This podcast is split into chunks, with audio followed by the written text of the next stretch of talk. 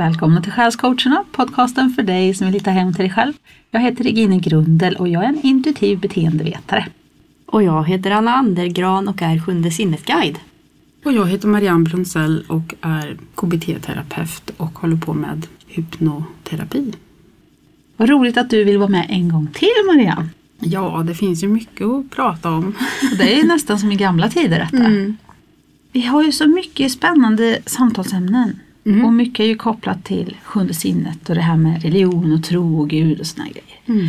Och vi tänkte att vi skulle försöka att titta på de tio gudsbuden med både perspektivet hur man kan tolka dem via religionen men också hur vi kanske tänker om dem om vi går in i vårt sjunde sinne och tittar på dem. Det är en liten nätt uppgift. Ja, det känns som vi... Det är en, det är en svår uppgift och som sagt var, vi sitter inte här och har alla svar. Men vi funderar lite, reflekterar lite runt. Mm, ställer lite frågor i alla fall. Ja. Så ska vi köra igång på en gång tycker ni med det första? Det är lika bra att dra igång då med första budet som är Du skall inga andra gudar hava jämte mig. Hur tror du att man tolkar det när det budet kom i Gamla Testamentet? Att det bara fanns en gud och att Gud är åtskild från sin skapelse. Och, Och tävla lite med andra gudar känns det som nästan. ja, för att du skall inga andra gudar hava, då förutsätter man nästan att det finns lite avgudar också. Mm. Och de var väl i en tid när många människor runt om dem hade massa guldkalvar och allt vad det var. Ja, det fanns mycket. Baal var en jättestor gud. Så vad, vad tror du fylldes för syfte att få det här budet att de bara skulle hålla sig till en gud? Var det någonting som höll dem samman? Alltså skapade. Skulle tro det, att det var någonting så. Man samlades och hade en tro och en gud för att bli starka. Var det det som gjorde deras kultur så stark? Den har ju överlevt genom många, många år. Ja, de, de har en väldigt stark gemenskap. Och det har de fortfarande. Och en väldigt stark tro på en gud. Men eh, hur kan vi titta på det här budet idag då? Utifrån oss och våran värld? Jag tänker att det är ju självklart att man inte kan ha några andra gudar eftersom det bara finns en gud. Sen är det vad man lägger in i ordet gud. Om man kallar det för Gud eller Jehova eller All- Allah eller whatever. Så är det ändå samma gudom. Men om man tänker på själva fenomenet gudadyrkan och avgudadyrkan. Då kan man väl ändå se att vi dyrkar många mer saker än Gud i våran värld. Ja, vi dyrkar pengar och vi dyrkar...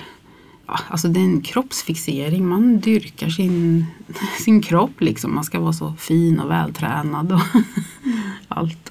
Status, pengar och makt Mm. känns som Ja. det kan vara sådana här saker som drar en ifrån den här längtan och, och sökandet efter Gud. Men jag tycker det är lite intressant i det här, du ska inga andra gudar hava jämte mig. Att Gud kallar sig för mig. Och vi har ju sagt förut att vi är alla ett. Betyder det att vi ingår i den här soppan på något sätt? När Moses fick se den brinnande busken. Guds röst talade ju ur den brinnande busken eh, och sa till Moses att gå till Egypten och prata med farao. Och då så frågade Moses, vem ska jag säga har sänt mig? Och då sa Gud, jag är har sänt dig. Gud kallar sig själv för jag är. I am. Och så som vi ser på det här, det är ju att jag är, det är ju våran inre kraft, vårat sjunde sinne. Det är samma sak. Gud i oss. Gud i mig, I am. Vad tänker ni? Ja, men jag tänker också på den kopplingen när jag hör det här att eh, Javé, eller vad man nu sa om Gud i gamla tider, betyder jag är. Och att vi använder det uttrycket väldigt mycket om oss själva. Jag är den och den och jag är och jag är. Och I am power pratar ju vår mentor Pauline om. Så det finns ju en koppling här. Hur den kopplingen ser ut det vet jag inte utifrån det här budordet just men det är intressant. Mm. Att inte låta oss förvillas av avgudar, avgudadyrkan utan Vad är alltet på något sätt? Mm. sträva till alltet. Som finns inom mig. Mm. Inåt. Ja, spännande. För om, om Gud är jag är, då kanske det är där vi ska vara. Att bara veta att jag är utan att hänga på sin yrkestitel till exempel, eller vad det nu är, och göra det lika viktigt. Mm. Ehm, För det är bara någonting tillfälligt. Även om det är något så fint som jag är mamma eller jag är vad det nu är. Eh, Så, så alla sådana här påhäng som man har eller jag är rik eller jag är snygg eller jag är ett offer för all del eller vad man nu hänger på där så, så får inte den identifikationen vara så stark som jag är. I vår mänsklighet vill vi ju gärna kategorisera oss. Mm. Identifiera oss. Ja, Lägga oss i olika boxar så att vi kan hantera eh, verkligheten och oss själva via hjärnan. Värdera. Mm. Mm. Men när vi inte går via hjärnan Mm. utan vi går via vår innersta känsla, vårt sjunde sinne. Mm. Då har vi ju inte det behovet av att kategorisera. Då räcker det ju att bara vara. Jag är. Mm. Men betyder det här budordet då om vi ska omsätta det till sjunde sinnet språk att vi ska inga andra gudar hava jämte att vara i vårt innersta centrum där Gud finns? Det tycker jag är bra uttryckt. Skulle jag kunna tänka mig. Ja. Mm. Jag tänker nog så också att det är det som våran främsta strävan ska vara. Det är det som ska vara det viktigaste för oss. Mm. Att ingenting utanför oss själva. Är viktigare än det. Nå- någonting annat. Mm. Lite lätt avhandlat det första budet där. Ja, Ja. med det reservation Ja, precis. för alla stora diskussioner som finns såklart. Ja. Där är ju bara funderingar. Ja, all absolut. Ja, Och det andra budet går väl in i det. Du skall inte missbruka Herren din Guds namn, till Herren kommer inte låta den bli ostraffad som missbrukar hans namn. Det här är ju också liksom, det går in i det första tänker jag, men Jesus förklarade på en gång så här att man, man svär vid himlen och man svär vid Gud och man svär vid sitt huvud. Så sa han, ert tal ska vara ja, ja och nej, nej. Vad därutöver är, är av ondo. Vi ska inte svära vid någonting. Ni ska inte svära vid himlen för det är Gud och ni ska inte svära vid jorden för det är hans fotapall. Utan ni ska bara, alltså allt onödigt prat runt omkring. Prata skit om människor eller prata liksom så. Det man, allt det man säger och gör och tänker manifesterar ju saker. Mm. Så att vi ska vara noga med vårt tal. Mm. Att vi inte pratar om dåliga saker. Och, för då drar vi de energierna till oss. Hur definierar du dåliga saker? Alltså prata negativt och illa om sig själv och andra. Och, Mm. För inte missbruka Herren din Guds namn för att han inte kommer låta det vara ostraffat. Då tänker jag också om, om man ut, går bort ifrån det här gamla tales, eller tolkningssättet som de kanske hade i gamla testamentet och, så där, och tänker att det här är ju lite orsak och verkan. mm.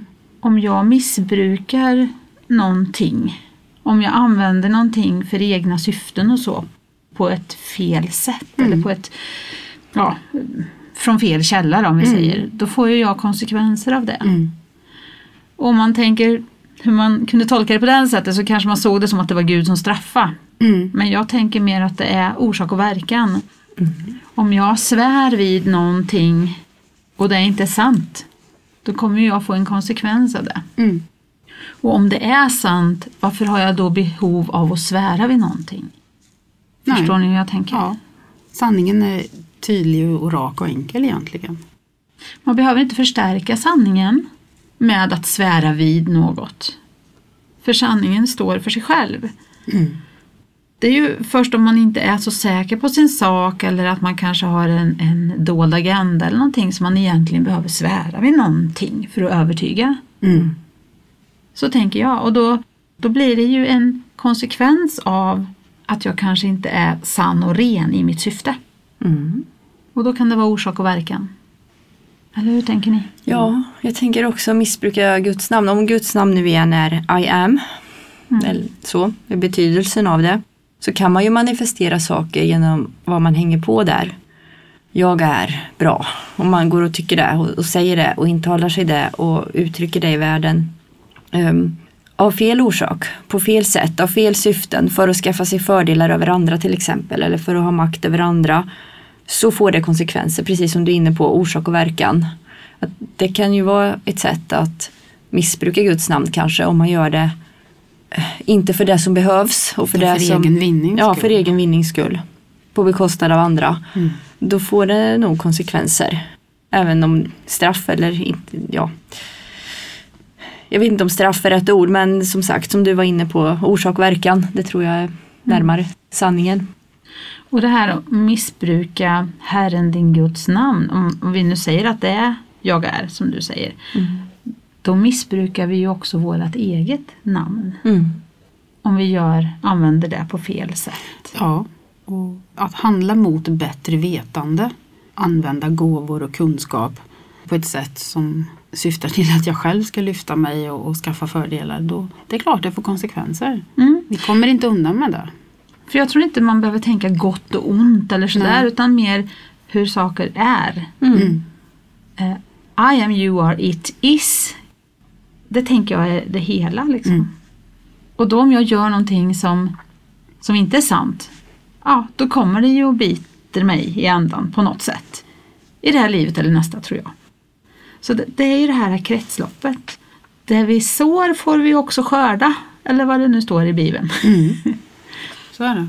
Så att det tycker jag man kan koppla ihop här lite. Om vi inte drar jättelånga växlar nu men det är intressant att spåna lite. Mm. Mm. Har du någon mer tanke om det andra Marianne? Nej, det var, det var bra sagt.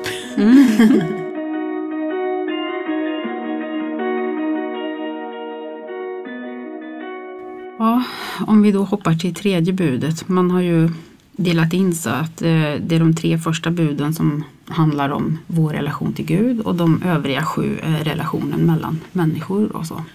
Så tredje budet är Tänk på sabbatsdagen så att du helgar den. Vilodagen. Mm. Vad betyder ordet sabbat? Är det? Sju, det betyder sju, den sjunde dagen. Aha. Ja, till och med Gud behövde vila på sjunde dagen. Mm. Så är det ju. Jag har en tanke kring det där att det här med att helga vilodagen. Vi behöver vila. Vi behöver verkligen vila. Mm. Och det, man kan ju tolka det som att man ska helga Gud på den sjunde dagen då.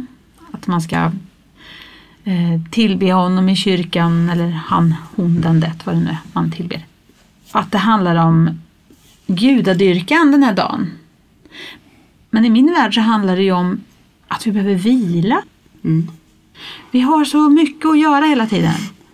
Hjärnan är full av saker. Det är att göra-listor, det är ansvar, det är funderingar på livet, det är ja, oro, rädsla. Allt är så fullt i vårt huvud. Och ändå håller vi på hela tiden och aktiverar oss och aktiverar oss och aktiverar oss. Vi är på jobb och vi är på aktiviteter på kvällstid. Kanske lugnare nu detta året på grund av Corona då. Ett sabbatsår. Ja, kan man nästan säga faktiskt. Men jag tror när vi glömmer vårt behov av att lugna ner oss ibland och bara stilla oss och kanske faktiskt känna in våran andlighet, våran connection till något högre. Ja, Jesus förklarade ju att eh, sabbaten är till för människan och liksom inte människan för sabbaten. Mm. Den är till för oss. Har du någon berättelse där kring Jesus och sabbaten? Det var till exempel en gång som han, om han utförde ett under, om han botade någon som var sjuk, en lam kanske.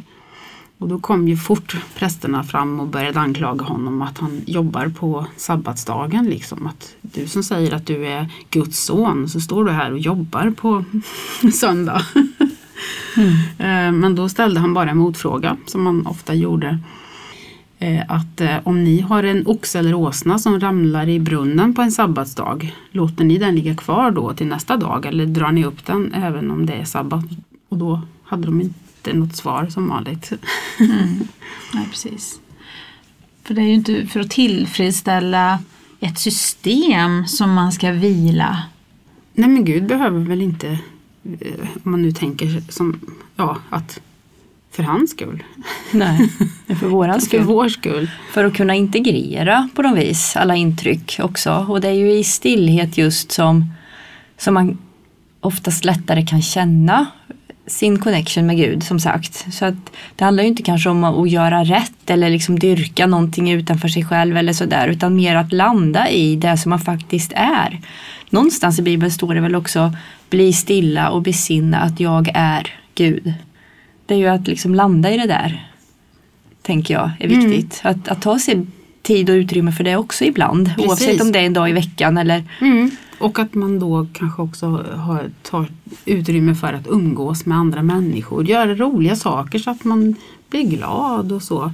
Varen alltid glada, säger Paulus. ja, ja. För glädje det här. Ja men alltså så här. Ja. Eh, Vi har så mycket att vara glada och tacksamma för. Mm. Och jag tänker i gamla tider så hade man ju en vecka som bestod av arbete och en dag som bestod av vila. Det var ju väldigt uppbyggt så. Men det har vi ju tappat nu. Och jag tänker att tiden vi lever i nu har ju ingen uppenbar vilodag. Nej. Allting är öppet hela tiden och det är aktiviteter som sagt. Och, eh, ja, veckan är ganska lika egentligen. Och då tänker jag att den här längtan tar sig uttryck i att vi pratar väldigt mycket om mindfulness, meditation, yoga. Alltså allt det här har ju kommit in i vårt samhälle väldigt starkt. Och jag tror ju att det är en längtan hos oss efter just vilodagen. Att få vila, att få stilla oss, att få vara bara en stund. Mm. För det tror jag är själva grundidén med vilodagen. Mm. Så att vi kanske får bli lite bättre på att skapa vila i våra liv och helga det. Mm. Att det är lika viktigt som det andra. En del av helheten. Så vi väl dyrka vad vi vill då, då men Ja. vilan är viktig. Mm.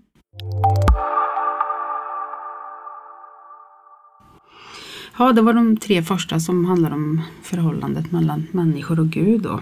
Sen kommer de sju resterande om relationerna människor emellan.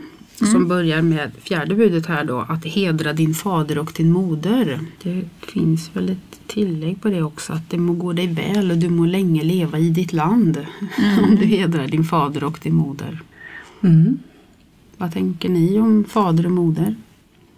Är det biologiska föräldrar eller kan det vara något annat? ja. Ledande fråga. Ledande. Ja, jo, vi nä- pratade ju lite om det innan här så, mm, också. Att det kanske är så att det inte är biologisk mamma och pappa som egentligen avses utan Moder Jord och Fader Gud eller Mm. Fader Himmel eller vad säger man? Mm. Mm. Ehm, så, men jag tänkte mig nog länge att det betydde de man föds till på jorden. Och eh, ja, jag vet inte hur ursprungstanken var med det eller hur det togs emot av de som skrev ner Bibeln. Ehm, vet du mer om det, Nej. Marianne? Nej. Men jag tänker rent logiskt så var det ju en tid när det, de, var, de var väl i rörelse mot Kanans land när Mose fick ta emot dem här. De var ju ganska, de var liksom på flykt kan man nästan säga. De Mm. var, det, det var tufft omkring. De, de skulle in i ett nytt land och de skulle hitta sin plats. Och jag tror att rent konkret tror jag det var viktigt att behålla sina släktband Mm. och ha väldigt tät Ta hand om Ja, ta hand om varann Mm. och ta hand om, om samhället. Så jag tror att det där också har en rent konkret betydelse i att ta hand om din släkt, ta hand om dem som har fött dig, ta hand om dem som är omkring dig. Så överlever du, typ. Ja. Om vi ska prata om Mm. att det handlar om mänskliga relationer ja. också. Så, och jag tycker att det är klokt. Men jag tycker att det kan bli också väldigt fel om det blir en makt och kontrollgrej Mm. hos någon som har auktoritet över en. Du ska hedra mig oavsett hur jag beter mig mot dig för det står i de tio gudsbuden. Mm. Jag kan se att det är jätteviktigt att vi hittar respekt mellan oss, att vi hedrar dem som har hjälpt oss till världen och hjälpt oss att växa upp och som har matat oss och fött oss och allt det här. Men inte till vilket pris som helst. För jag tycker också, även om man är en förälder så tycker jag att man ska förtjäna sina barns respekt. Så jag tror det finns två sidor av det. Jag tror det finns en mänsklig sida av det också. Men sen i det större perspektivet tänker jag ju också så att det här är ju lite symbol för det som, det som föder oss i det stora. Det är ju Fader, universum, Gud, vad man nu vill kalla det för. Som har gett oss livet. Och Moder Jord som ger oss mat och föda och en plats att bo på. Mm. Eh, Jesus säger en gång så här att den som inte överger sin fader och sin moder, han är mig inte värd.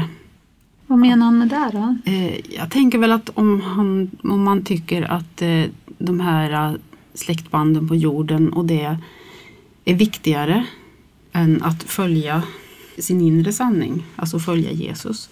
Mm. Då, ja, man har ju ett val att göra. För det kan ju vara så att det motsäger, man kan ha föräldrar som kanske tycker likadant och då är det en sak. Men eh, om man förnekar Jesus för att följa sina föräldrar. Eh, Och i förlängningen förnekar sig själv då. precis. Mm. För vi lever ju i en värld när det, det är uppdelningar i vår värld idag. Mm. Många människor tror på väldigt olika saker inom samma familj. Mm. Och om man då inte kan respektera varandras olikheter och, och vad man känner är sin sanning. Då kan det ju uppstå en situation när man måste välja. Eh, det står på ett ställe att Jesus var i ett hus och han eh, ja, pratade. Eh, och så var hans mor och hans bröder stod utanför och ville träffa honom. Och så sa de till Jesus att din mor och dina bröder står utanför och vill prata med dig. Och då sa han, vem är min mor och vem är mina bröder? Eh, och så pekade han runt omkring sig. De som sitter här och lyssnar på mina ord, det är min mor och mina bröder. Mm. Att vi är alla ett Mm. igen. Mm. Och kanske att vi är närmare connectade med dem som går på våran stig och våran väg själsligt Mm. sett. Än att vi råkar vara födda i samma biologiska familj. Ja. För om modern är jorden och fadern är Gud så är ju alla syskon. Mm. Men, men även det här äh, att när man pratar om du ska hedra din fader och din moder så behöver man ju inte prata om de biologiska. Utan det kan vara andra människor som man har, som man har fått den typen av relation Mm. till. Mm. Som har hjälpt en. Alltså det är ju, allt är ju hur man definierar far och mor där egentligen. Ja. För det kan ju vara som jag kan ju känna att Pauline Turner har varit min andliga mamma på många sätt, eller vägledare, mycket mer än vad min biologiska mamma har varit. Till exempel. Och så, så kan det vara också att vi har band till människor på, på så många olika sätt. Mm. Mm. Så det kan innefatta så mycket, just den där korta, du ska Mm. hedra din fader och din moder. Mm. Mm. Men jag tycker man ska göra tillägg och de ska också hedra dig. Ja. Ja, men om fadern är Gud och modern är jorden, behöver de hedra dig då? Men jag är ju en del av det. Mm. Och då hedrar de ju inte sig själv om de inte hedrar mig. Ja. Jag tänker att där finns den här villkorslösa kärleken utan ansträngning, den bara är. Mm. Är, det Så- ordet så det är mer- hedra som det blir är mer fel? människan som det är upp till att välja Mm. om man hedrar eh, det där större eller inte, tänker jag mig. Mm. Jag tänkte när jag sa att de ska hedra dig, då tänkte jag nog mycket på det mänskliga perspektivet. Ja, Mm. precis. Och där är det väl så att oavsett om det är biologiska föräldrar eller andra ledarskapstyper eller världsledare eller vad det nu är. Så igen så gäller det väl att, att följa sin inre sanning före vilken människa som helst. Mm. Tänker jag mig. Ja, Om man måste välja, som du var inne på Marianne. Mm. Mm. men det, jag tycker att det är skillnad på respekt och kärlek. Ja, Och hedra, att hedra någon, det kan ju vara både och. Det kan ju vara att man hedrar någon för att man har respekt för det. Eller man hedrar någon för att man känner kärlek för det. Ja, och som vanligt kan man ju läsa in massa olika tolkningar i det här då. Eh, så jag tänker att även om man har farit illa av sina föräldrar, som en del har, så kan man väl kanske ändå som vuxen uppnå någon form av förståelse, förlåtelse och hedra liksom ändå på någon slags nivå. Även fast man kanske inte måste gå deras väg och man måste inte kanske ha med dem att göra längre. Men man kan ändå, Alla gör sitt bästa. ja, man kan Det bästa man hitta kan den förståelsen. utifrån sin, sina förutsättningar. Det Mm. kanske det också kan innebära. Mm. Att hedra sin fader och sin moder. Mm. Att de trots allt gjorde sin väg. Mm. Och att det är som det behöver vara på något vis ändå. Att man gick igenom det man gick igenom kanske. Ja, det får man ju hoppas att det är. Jag, jag vill ju tro att eh, mina barn förlåter mig för att jag var som jag var. För att jag, jag kunde inte bättre just då. Men Nej. så är det nog för oss alla. Ja, Att man går och bär på en, ett frågetecken i sig. Har jag varit tillräckligt bra Mm. förälder? Har jag liksom gjort det bästa jag kunde för mina barn? Och jag gjorde ju det bästa utifrån vad jag kunde då. Mm.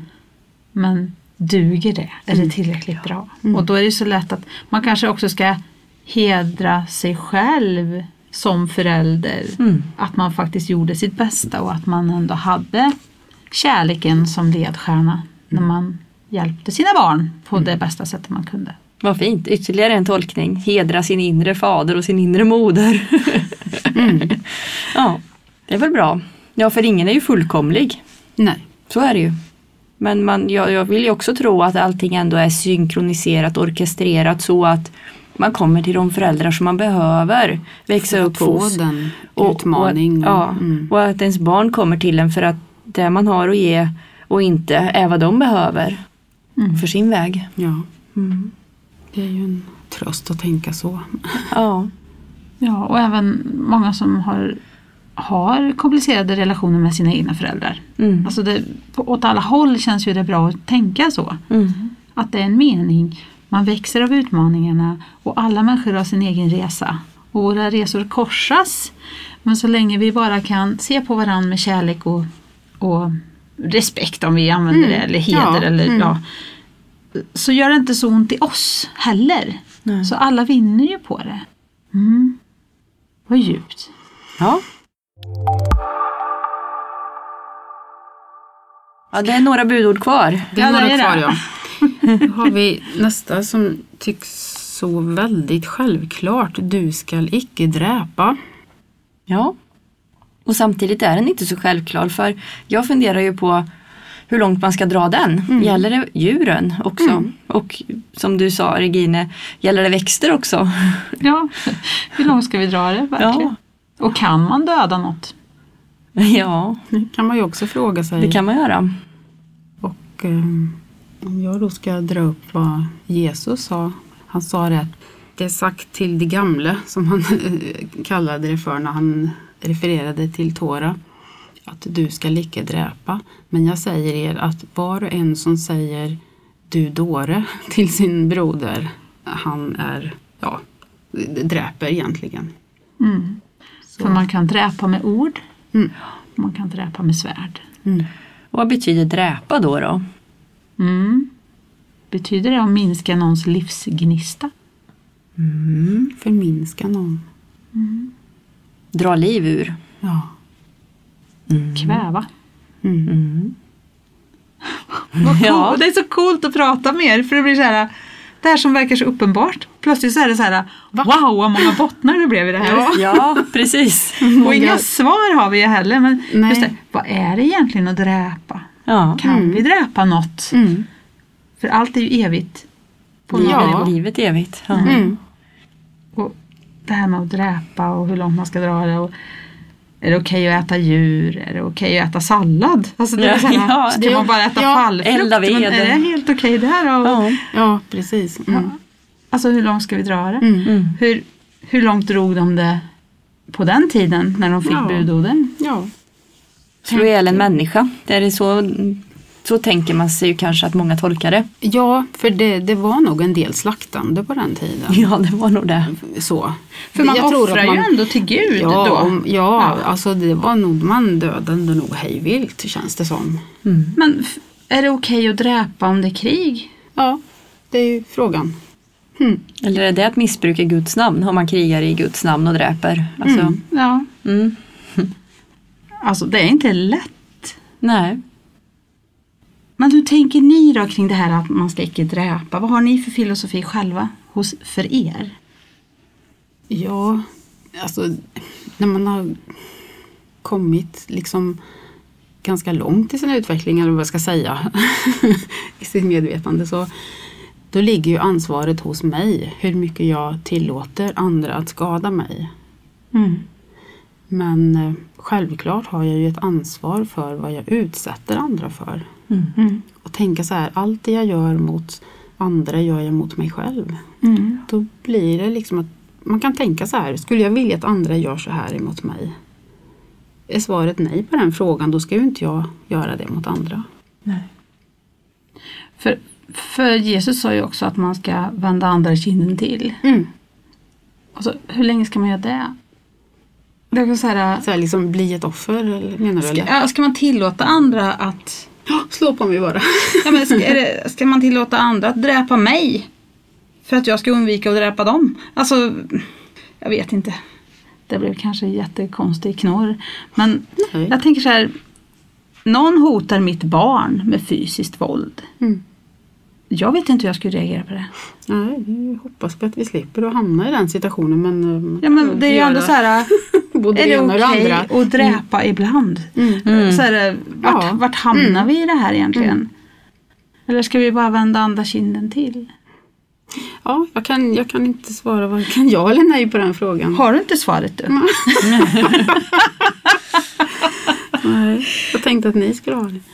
Nej men visst är det svåra frågor. Det är svåra frågor. Det är inte självklart. Det kan se så Mm. självklart ut när man bara läser en Mm. mening. Ja men det är klart man inte ska döda. Mm. Det tycker väl alla? Mm. Nej, titta på världen. Ja. Alla tycker inte det. Nej. Det är okej att döda i vissa situationer. Mm. Vi har dödsstraff.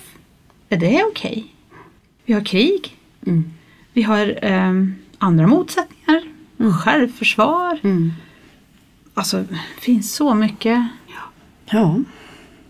Så, ja, inte helt enkelt faktiskt. Där finns det bara fler frågor kände jag. Ja, Mm, och det blir det svårare så. och svårare här nu ska vi se.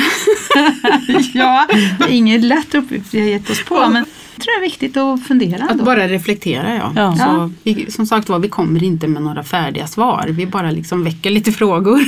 Vi gör bara alla lika förvirrade som vi själva är.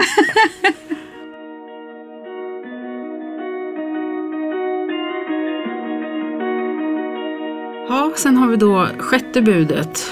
Du skall inte begå äktenskapsbrott. Och vad betyder det egentligen? Ja, vad är äktenskap för någonting? När, när uppfanns det? Och vad innebär det att begå ett brott mot? Är det att vara otrogen eller ingår det flera saker i det? Mm.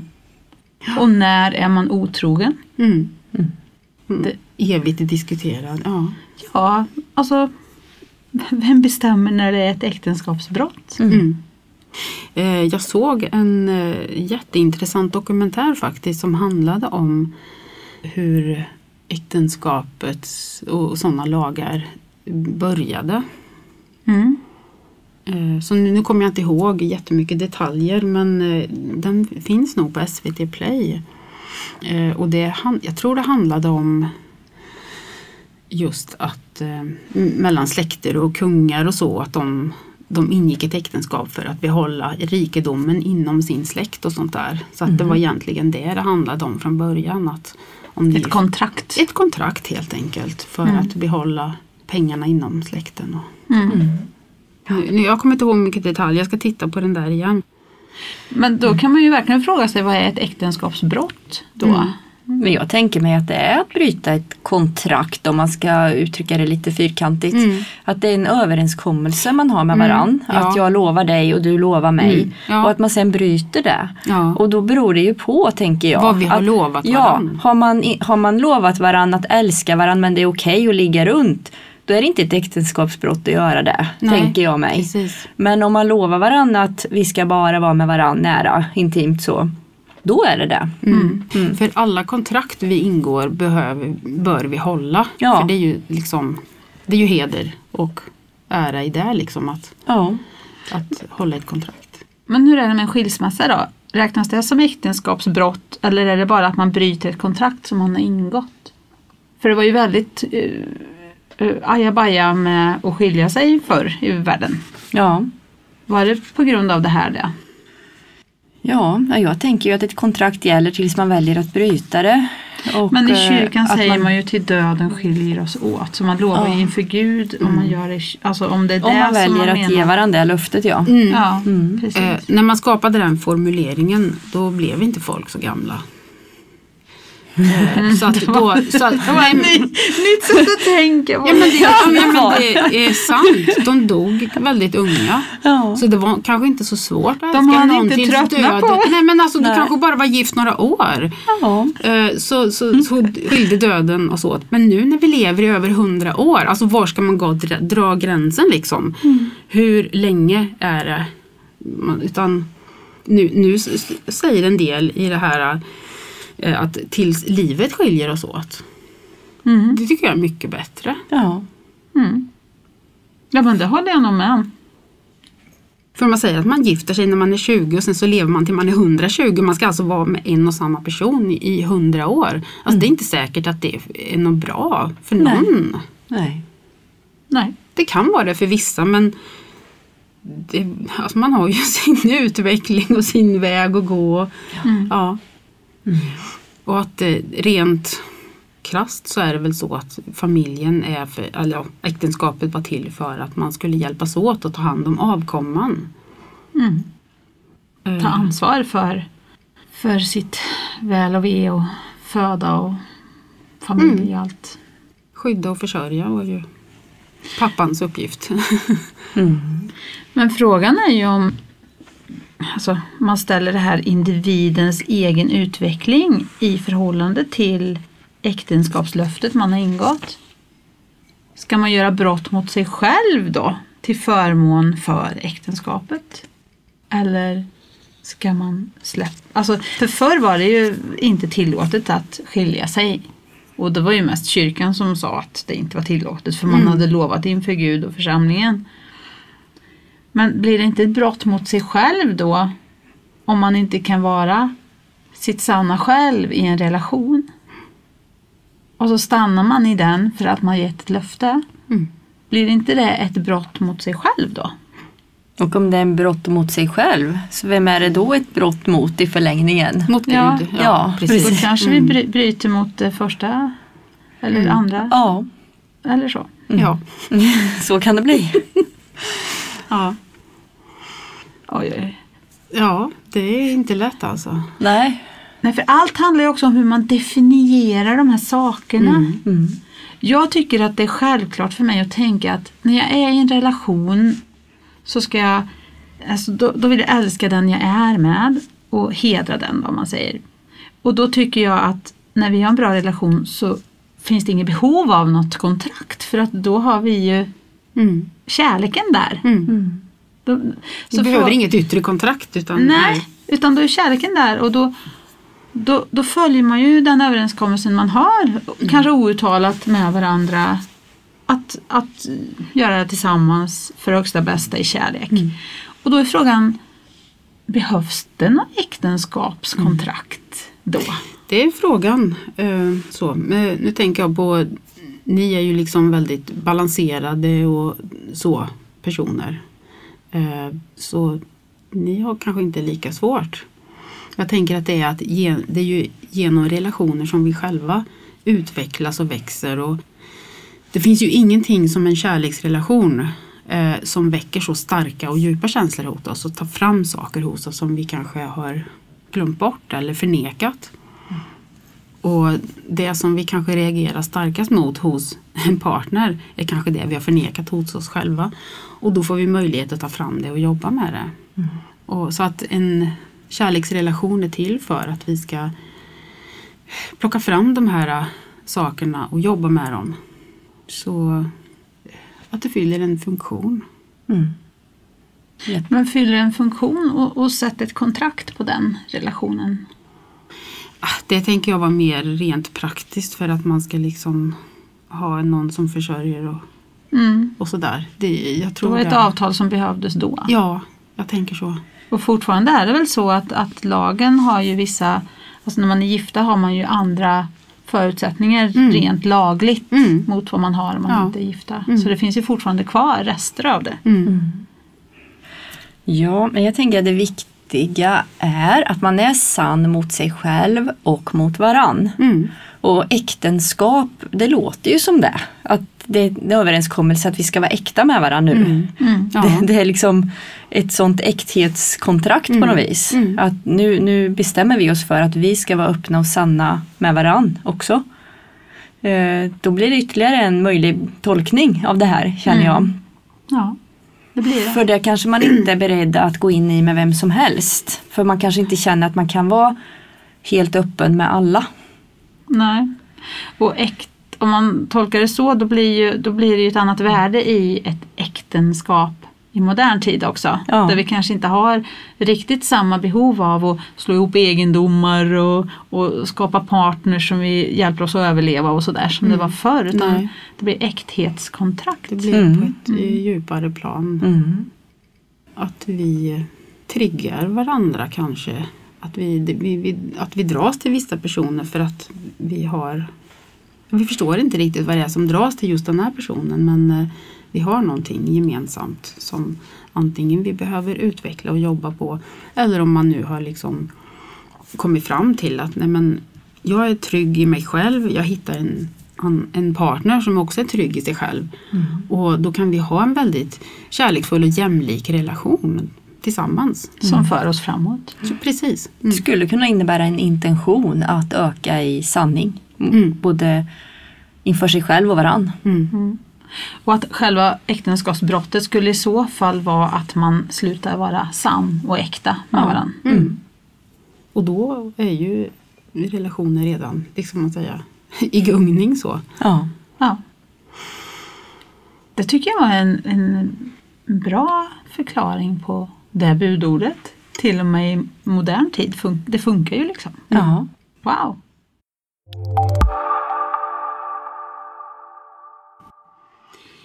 Sjunde budet, du skall inte stjäla. Det verkar också så otroligt självklart. Vad, vad kan man lägga mer in i att nu, nu stjäl jag din Ja. bil? Det, det beror på vilken nivå man stjäl på också. Ja. Det är inte alltid att, alltså vi pratar om energitjuvar ibland. ja, det är. Det är väl ett sätt att stjäla. Helt omedvetet dessutom ofta. Ja. Mm. Alltså hela det där budordet handlar väl om att ta ansvar för din gärning. Så att du inte tar något som inte är ditt oavsett nivå eller alltså om det är känslomässigt eller om det är energimässigt eller mentalt. Eller man tar själv tid för någon. Antingen Mm. en person eller en arbetsgivare. Eller, Mm. Så det kan bli så väldigt stort det Mm. budordet också. Mm. För det handlar ju inte om bara att jag tar något fysiskt från någon annan utan att fråga om lov. Utan det handlar ju om det stora problemet tycker jag är snarare de andra nivåerna. mm. Ja. Att någon, och att jag själv också stjäl av mig Mm. genom att ge mer än jag egentligen orkar med. Mm. Bara ge och ge och ge tills man själv blir helt tom. Ja, men då stjäl ju jag min egen energi. Ja, och det är din, ditt ansvar. ja. Mm. Hur mycket du ger. Och det är också mitt ansvar att inte tillåta någon att stjäla av mig. Absolut. Integritet. Ja, sen så finns det ju situationer man inte kan styra det. Alltså så när man är kanske underläge eller att man är i, i en situation där man inte har möjlighet att Jag menar någon stjäl min TV när jag inte är hemma. alltså Glömde jag skydda mitt hem med en ljusbubbla då? Glömde jag att tänka på rätta sätten? Eller, jag kan ju lägga ansvaret på mig själv där också. Men jag menar, ibland blir vi ju också utsatta av andra människors beteenden. Utan att vi själva har initierat dem eller är ansvariga för dem. Fast på något plan tror jag att vi har initierat dem själva även om vi inte är medvetna om det. K- Kanske stal någon annans TV i en annan tid. Ja, eller att vi inte tycker att vi är värda att ha den där TVn. Ja. Då kommer någon att ta den för oss så att vi då, ja. Mm. Eller är jag helt... Nej, jag tror ju också att det kan vara så. Det gör det inte okej för någon att ta din TV bara för det. Men Nej, men, Men har, jag, ändå. har jag själv på något sätt dragit till mig det här genom att mitt sätt att förhålla mig till mig själv och Mm. saker. Det här är en lite slippery road tycker jag. Ja. För det här kan ju skapa ett, eh, en känsla av att Ja, du får skylla dig själv. jag Ja, är precis. skyldig till att någon utsätter mig för ett Någonting. brott. Ja, precis. Och, det där är vill vi inte vara Det riktigt är viktigt heller. att inte vara där utan att man känner att alltså, jag har ansvar för mina gärningar, jag har ansvar för det jag gör. Ja. Men ingen har rätt att liksom utsätta mig för någonting Nej. ändå. Nej. Det, det är viktigt att hålla Sen hör jag vad ni säger också med det här att på någon nivå kanske man kanske är orsak och verkan fast det är ett alltså många liv tillbaks och ja, allt det där men jag tycker det är viktigt att vi inte lägger ansvar för den som, på den som blir utsatt. Nej, ändå. för det är aldrig okej att utsätta någon oavsett om Nej. den Nej, just då är energimässigt inte. svag. Liksom, och, Nej, precis. Ja, nej, det, sig- det menar jag inte heller. Att Nej, det, är, det förstår jag. Att, att Men- jag ska vara, blir jag utsatt för något så kan jag fråga, är det någonting jag sänder ut? Är Mm. det någonting jag behöver jobba med hos mig själv? Mm. Faktiskt. Ja, för, för det är ju också så att kanske inte så mycket händer av en slump helt och hållet utan det är alltid på något vis finns orsaker även fast ja, Jag tror också att det finns ett lärotillfälle i allt som sker. Som vi... Att livet pushar Ja. mig på något sätt. Ja. Att förstå saker. ja. Mm. Att värdera mig, lära mig att värdera mig själv. Mm. Ehm, Så Mm. att inte bara, ja, Mm. nu tog de den, men jag var väl inte värd att ha den då. Liksom, utan så här, liksom, alltså, det här var min. Mm. Mm. För jag tror också att det finns alltid en lärdom i allt som vi Mm. råkar ut för. Men eh, ingen har rätt att utsätta oss. Nej, Nej. så är det. Och inte vi själva heller. Nej. Och den tycker jag är jätteviktig. Mm. Att, som du sa, när man, man kanske tänker att jag är ändå inte är värd att ha det där. Då berövar man sig ju möjligheten att ha det där som man kanske egentligen vill ha. Och då Ja. är frågan om man inte stjäl från sig själv. Mm. Ja, det återigen så här ämne som mm, när är det stöld och när är det inte stöld? Det finns ju också så här om jag lånar en grej av dig och glömmer att säga det till dig. Är det stöld då eller är det, alltså du vet. Ja. Mm. Ja, det här är också, det, det är inte helt lätt. Men jag tror att man behöver klargöra för sig själv vad, alltså det här handlar om sitt eget värde lite grann någonstans också. Hur mycket man tillåter andra. Men också vad man själv gör. Och att man inte skapar skuld om man råkar ut för någonting. Nej, inte skapa skuld men kanske någonting jag behöver jobba på. Mm. Att förstärka hos mig själv. Till exempel mitt egenvärde. Ja. Ja,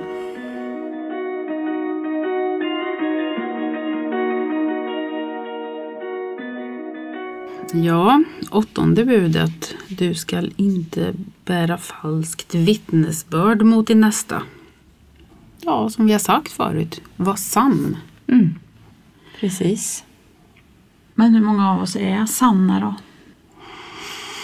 Ja, Alltså, man, man skarvar lite, man förbättrar lite, man, man undviker att säga saker. Alltså Mm. det här är ju mänskligt beteende. Vi skyddar varandra från sanningar ibland. mm. Vi kanske förmildrar viss information för att det inte ska skada så mycket. Mm. ja precis. Liksom. Tycker du att jag är ful i håret? Nej, nej, nej, du är jättefin. nej, men alltså, är jag sann då eller liksom, ska man alltid vara sann? Är jag sann eller snäll? Ja, Liksom. precis. Så det, det är frågan också, det här är också en gräns. Mm. Alltså vart går gränsen för när du bär falskt vittnesbörd som är, är av vikt? Mm. Är det okej att dra en vit lögn?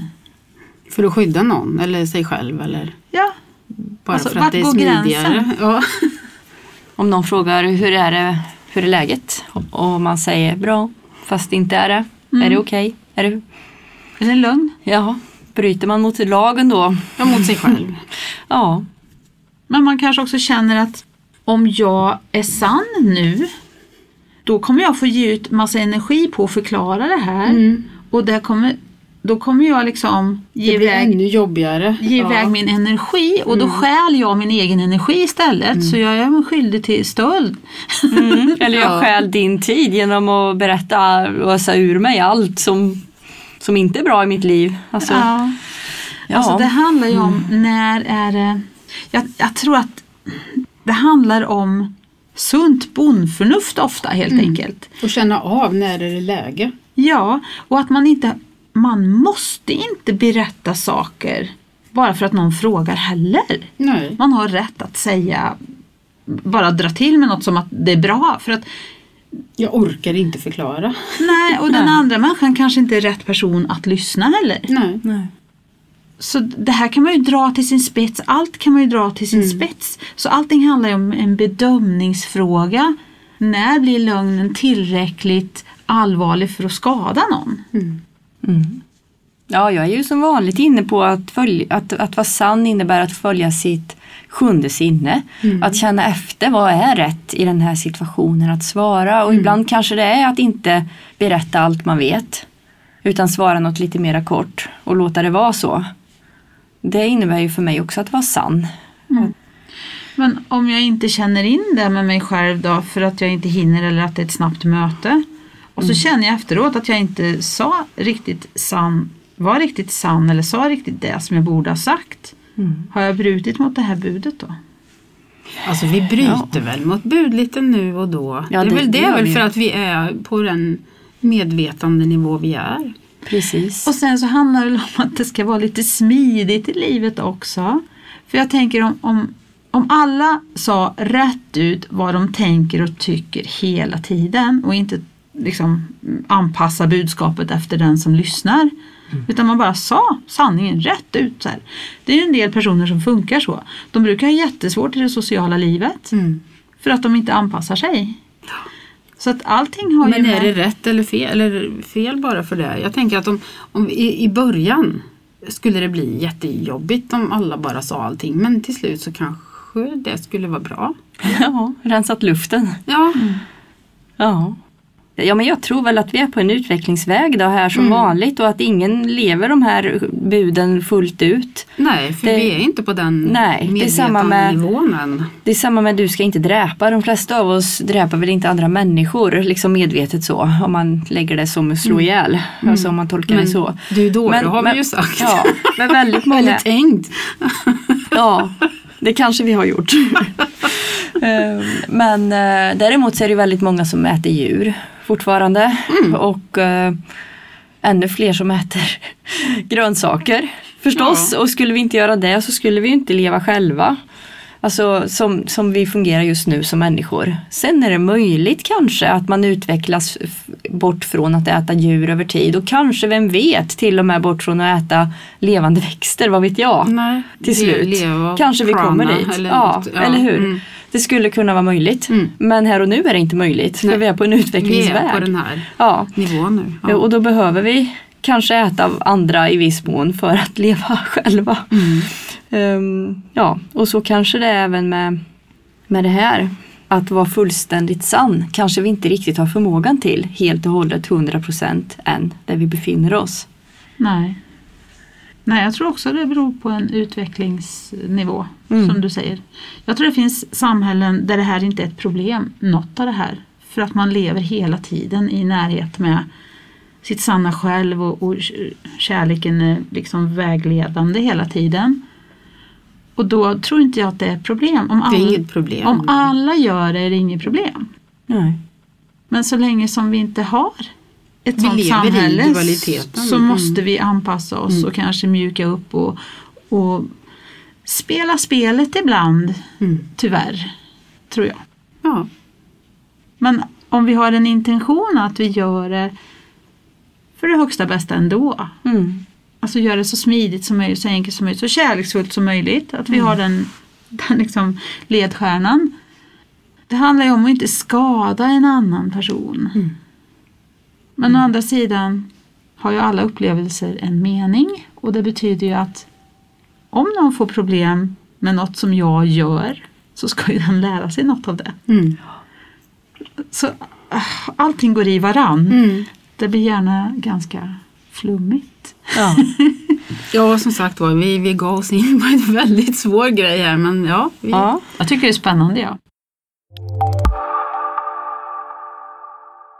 Nionde och tionde budet, eh, det är ungefär samma sak. Det, det hör ihop liksom att man inte ska ha begär, vara avundsjuk på sin nästas ägodelar eller fru eller slav eller slavinna eller åsna. Det är så. Oj. Vad, vad kul att man klumpar ihop hustru med Och åsna. slav, slavinna, oxe och åsna. Ja. Intressant. Hur läser vi det ur sjunde sinnet? Mm. Jag får ju anpassa det kanske till vår tid då, men just att vara avundsjuk. Ja. På, på, på grannens Tesla. Ja men det här att- sätta sitt värde i att ha saker Ja. överhuvudtaget. Ja. Tänker jag att det handlar om att alltså, vi har så lätt att värdera oss utifrån det fysiska eller prestationer på olika sätt. Kanske från grannens prestationer där då tydligen. Grannens åsna och så. Ja, men tänk eh, slav och slavinna. Ja. Ja. Alltså, Kära det, nån. ja, liksom var in... Ja. Ja. Så- Men skillnaden mellan de buden var väl då att det ena var mer det materiella. Begär sig till din nästas hus va? Mm. Och det andra handlar om levande varelser. ja. Mhm. Fru och slav och åsna också. ja. ja. Ja.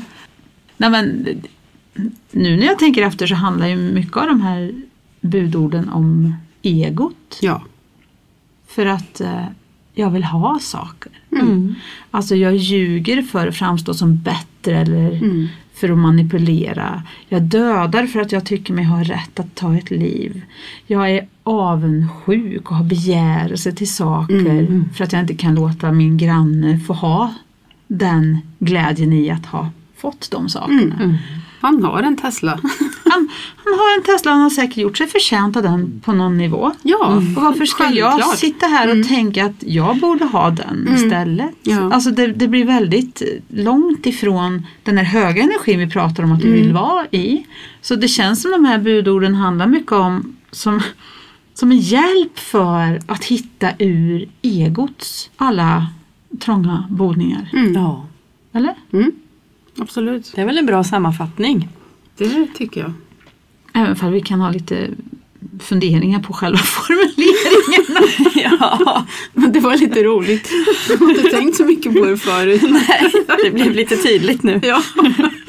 Någon som har moderniserat dem där eller Ja. är det, de, de är likadana som de var förr eller? Ja, det, här, det, det var väl där stentavlorna. Det här. Det där kändes ju ett tag sedan ändå. Den Ja. sista där. Ja. Ja just det här klumpa ihop, det är ganska intressant. Mm. ja. Nej men det, jag tror att det, det är en sak som många kämpar med som inte riktigt har hittat sitt eget värde. Mm. Ja. Att man vill ha någon annans. Mm. eh, nå- det Jag som, vill ha ditt liv. Det som någon annan har uppnått, liksom, eller? Ja. alltså, eller, varför har du så bra jobb när jag inte har något? Eller, varför har du, hur kan du ha råd med den där villan? Mm. Ja, eller, det här är ju offerkoftan. Ja, mycket. Ja. mycket. Ja. Att man hellre tittar på grannens eh, saker och relationer istället för att titta på sitt eget liv och Mm. titta inåt och se vad gör jag då för att uppnå det jag strävar efter i livet. Mm. Det är ju också någonting, det är lättare att se stickan i, i grannens öga än bjälken, i Bjälken sitt mitt eget. Mm. Mm. Det, det, det är typiskt där, man tittar bortanför sig själv och söker återigen kraften på utsidan. Mm. När man har begärelse till någon annans Mm. grejer. Och vad leder det till för energi? Mm. Väldigt lågt. Och det, ja, det blir, mår man väl inte bra. Och att på något vis tycka att sitt eget liv är mer värt än andras då. Nu tänker jag på dräpa igen. Eh, att det är okej att döda och äta för att mitt liv är mer värt. Eller eh, att kalla andra dåre. Och därigenom boosta sin egen kraft på bekostnad av någon annans. Men det, det, det är intressant det här just att en del kan ju till och med titta på grannen med avsky för att han eller hon har saker Ja. som man själv kanske omedvetet vill ha men som man inte har själv sett till som man har fått i sitt liv. Och då kan man göra det till något negativt istället. Mm. Så istället för att begära det så förkastar man det och fördömer det. Mm. Och det är ju det är samma dåligt energi. att ha det där. Ja. Ja. Mm. Alltså att man gör sig lite bättre än någon annan. Ja. Så det handlar om så vår stora läxa i den här tunga världen det är ju ödmjukhet också. Mm. Mm. Ja, men den personen har gjort sig förtjänt av det.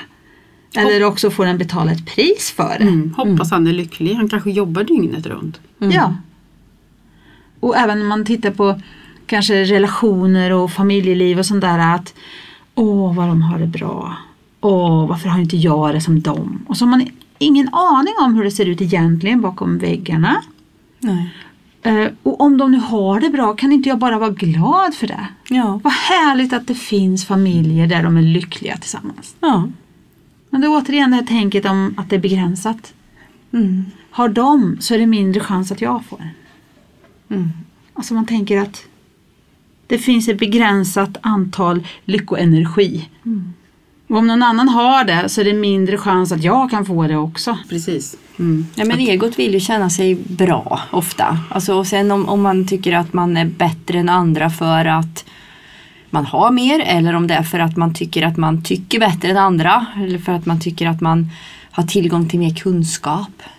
Spirituellt ego är ju också någonting som har blivit Ja. en grej Mm. faktiskt. Att man tycker att ja, men jag är högre utvecklad, jag har uppnått så mycket insikter så jag är Jag behöver inte det där Nej. fysiska längre. Nej, precis. Så det finns ju så många sätt att vara ego på.